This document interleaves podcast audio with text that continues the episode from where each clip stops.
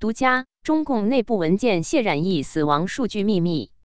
大纪元二零二三年一月二十六日讯，大纪元记者宁海中、洛亚报道：中国最近一波中共病毒新冠疫情大爆发，染疫人数暴增，医院太平间爆满，火葬场出现排长队的情况。官方最近连续两次发布院内感染相关死亡为七万多人，外界质疑其少报。大纪元近日独家获得一批中共内部文件，专家分析认为，其中的操作令人怀疑是在实施体制性的隐瞒。艰难的染疫死亡判定，大纪元获得的这些中共内部文件，全件附文后，均涉及新冠患者或死者的判定或相关信息的填报。这些文件分别来自国务院联防联控机制、国务院疾控局和黑龙江、河北、河南等地。著名文件不予公开，发文时间在二零二二年十二月七日，当局放弃清零政策起的一个多月内。部分文件显示，中共官方打着规范的旗号发文，判定新冠死亡的程序异常严格。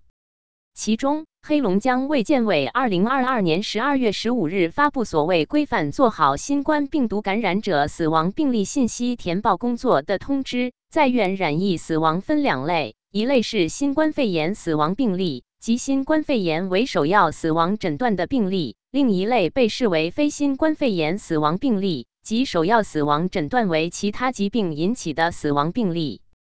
判定新冠死亡病例的要求相当严格，在患者死亡后二十四小时内先完成院级死亡病例讨论，报医疗管理部门审核同意后，才能写入病历和死亡证明。黑龙江卫健委内部文件有关判定新冠死亡的程序截图。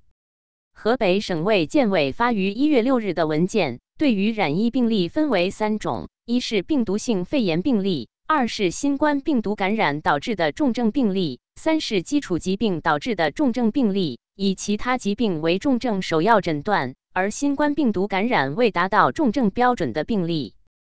文件也提及新冠染疫死亡判定程序，对出诊为新冠肺炎导致的死亡病例，在患者死亡后二十四小时内完成院级死亡病例讨论，由本机构医疗管理部门和主管负责人审核后，在逐级报市级、省级医疗救治组审核后，方可注明是新冠死亡病例。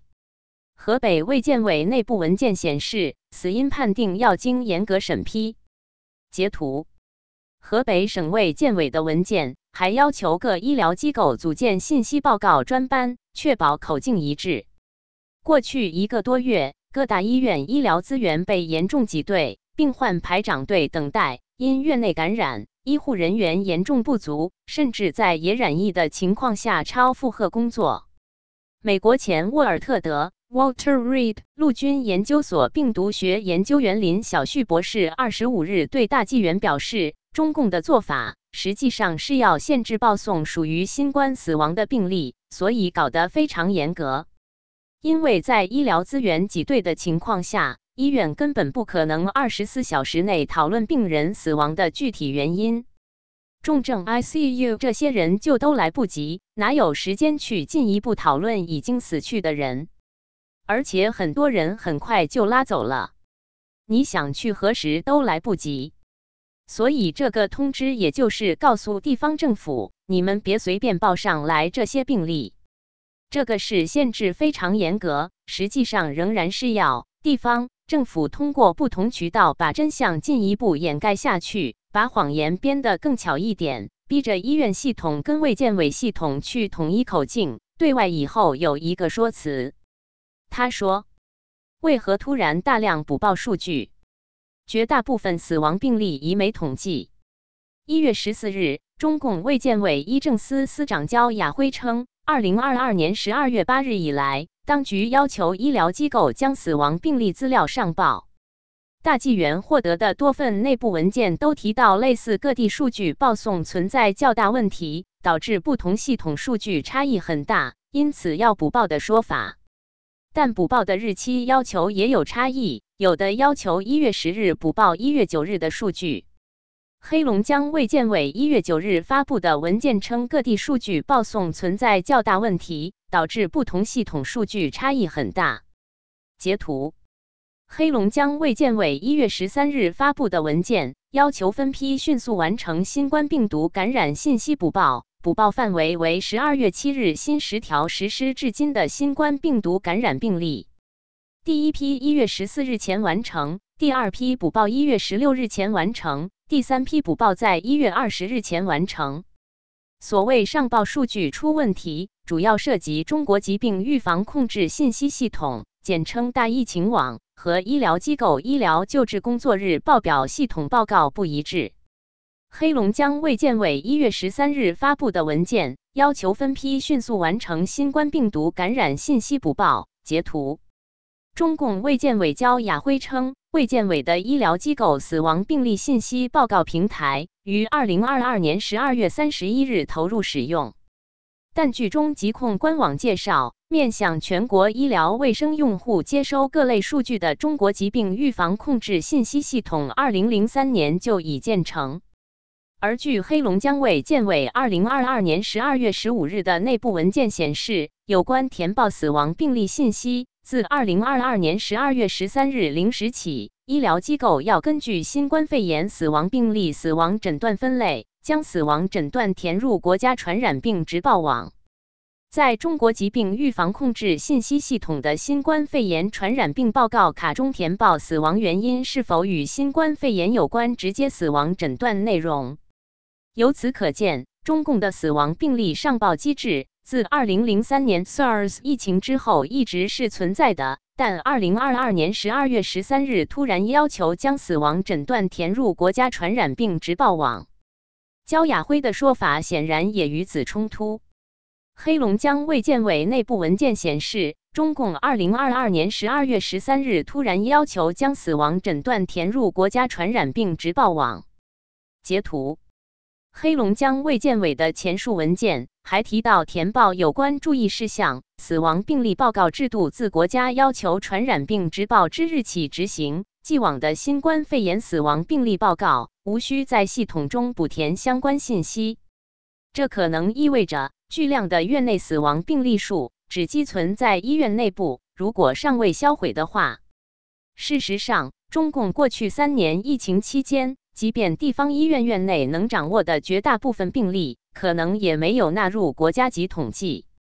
大纪元二零二二年一月二十八日曾报道，根据中共卫健委官方网站的疫情通报，截至二零二零年五月十六日二十四时，疫情的死亡统计为四千六百三十四人，累计报告确诊病例八万两千九百四十七例。从这天开始至二零二一年的一月十三日前的半年时间中，官方没有再通报任何因中共病毒死亡的人数。而从二零二一年一月十三日至二零二二年一月二十六日这一年中，中共公布的有限数据中承认有两万两千八百六十四新增确诊病例，但因疫而死的却只有两人。中共官方去年十二月突然全面放开防疫。官方自二零二二年十二月七日到今年一月八日的染疫死亡数据加起来也不足四十例。全球关注中共严重少报了染疫死亡人数。在国际压力下，今年一月十四日，中共卫健委突然通报：二零二二年十二月八日至二零二三年一月十二日，全国在院感染相关死亡病例五万九千九百三十八例。一月二十一日，中共在发布一月十三日至十九日在院感染相关死亡病例为一万两千六百五十八例，但外界仍质疑中共深度隐瞒死亡数据。林小旭对大纪元分析说，这首先牵扯一个问题，就是中共过去搞极端清零政策，各地不管是卫健委还是医院系统，都不敢上报实际的死亡人数以及感染人数这些重要信息。医院系统本身有一个医疗救治的工作清单，在医院系统里面它是要统计的。但是因为你是清零，各地政府也压着医院，不让他们上报这个数据，就造成了医院的救治清单和中共卫健委所谓的大疫情网的数据很不一致。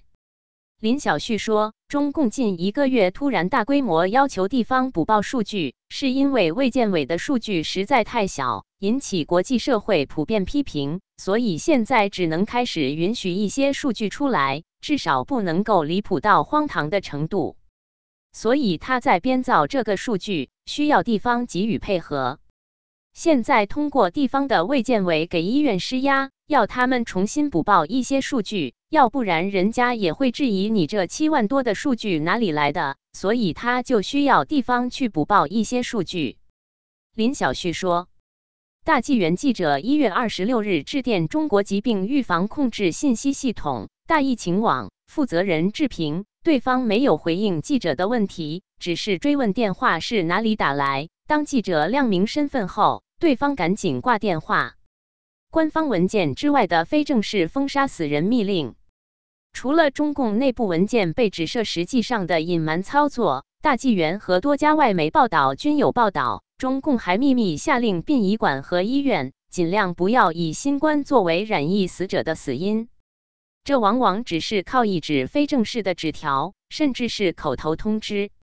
据路透社一月十七日报道。北京一位私立医院的轮班医生在急诊室看到了一张印刷的通知，医生应该尽量不要在死因栏写上新冠引起的呼吸衰竭致死。根据该通知，如果死者患有基础疾病，应将其列为主要死因。报道说，记者也看到了该通知的副本。中国各地公立医院的六名医生的话印证了类似的情况，他们或是收到了类似的口头指示。或是知道医院有这样的政策，此类指导来自政府，但没有人知道来自哪个部门。路透社说，这是中共传播政治敏感指示时的常见情况。在死亡证明上，医生们基本上省略了新冠。一位医生说：“没有别的办法，我们只能听从医院的命令。这些命令来自政府。”英国《金融时报》一月二十日援引广东省南部一个小城市的一名急诊科医生说，他和同事被告知死亡证明不能包含“新冠”这两个字。大纪元也收到类似的举报。安徽一个二十七岁青年的死亡证书上写着“新冠感染死亡”，其父亲李兵一月二日对大纪元表示，殡仪馆官员说：“治疗你儿子，这个医院领导胆子真大。”竟然新冠感染都敢写！我们接到通知，火葬场和所有医院都不给写新冠。在殡仪馆的工作人员开发票时，李兵从其电脑看到了一批死者资料，年龄栏显示最小的十六岁，最大的七十岁，三十五岁到五十岁这个年龄段的很多。死亡原因写着肺部感染，没有一例写新冠感染。另外。大纪元记者去年十二月二十八日直接从上海宝兴殡仪馆了解到，在家死亡的填表不能写新冠。负责拉遗体的人说，国家直接说了没有新冠了。专家，中共在改造档案，呼吁内部良心人士保存资料。法轮功创始人李洪志大师近日开示，中共一直在掩盖疫情，三年多中国已经死亡四亿人。林小旭表示。中国疫情真实的死亡人数是现在中共最害怕被曝光的。李大师是直接把真相告诉了世界。中共再怎么编都编不过去了，再编几十万、几百万还是差很多。所以现在黔驴技穷，很多事情老百姓一开始不敢相信，就像你现在也不知道中共三年饥荒死了多少人一样。你也不知道朝鲜的饥荒中死了多少人，包括苏联当年的乌克兰大饥荒，也是之后才慢慢统计到说死了几百万人，可能也是低估的。但即使这个数字，当时的国际社会、当时的苏联人都不相信。林小旭提醒，中共怕将来被清算，会防止真相被医疗系统内部人士保留下来，所以中共现在做的就是马上改造档案。将死亡的病例、病因的描述都开始改写。以后如果中共进一步销毁内部文件，人们就更难知道死了多少人。他呼吁，中国医疗系统里面有良知的人，应该把现阶段的重要数据，包括救治的重症人数以及在医院中死亡人数的真实情况给保存下来。包括中国的殡葬系统、民政部门有良心的人，也应该做这样的事情，帮助中国人在不久的将来看到真相。如果能够现在透露出来，就更好。事实上，外界一直质疑中共官方只通报了仍然可疑的院内死亡人数，院外死亡的数字究竟又有多少？这是更大的一个谜。责任编辑：方明。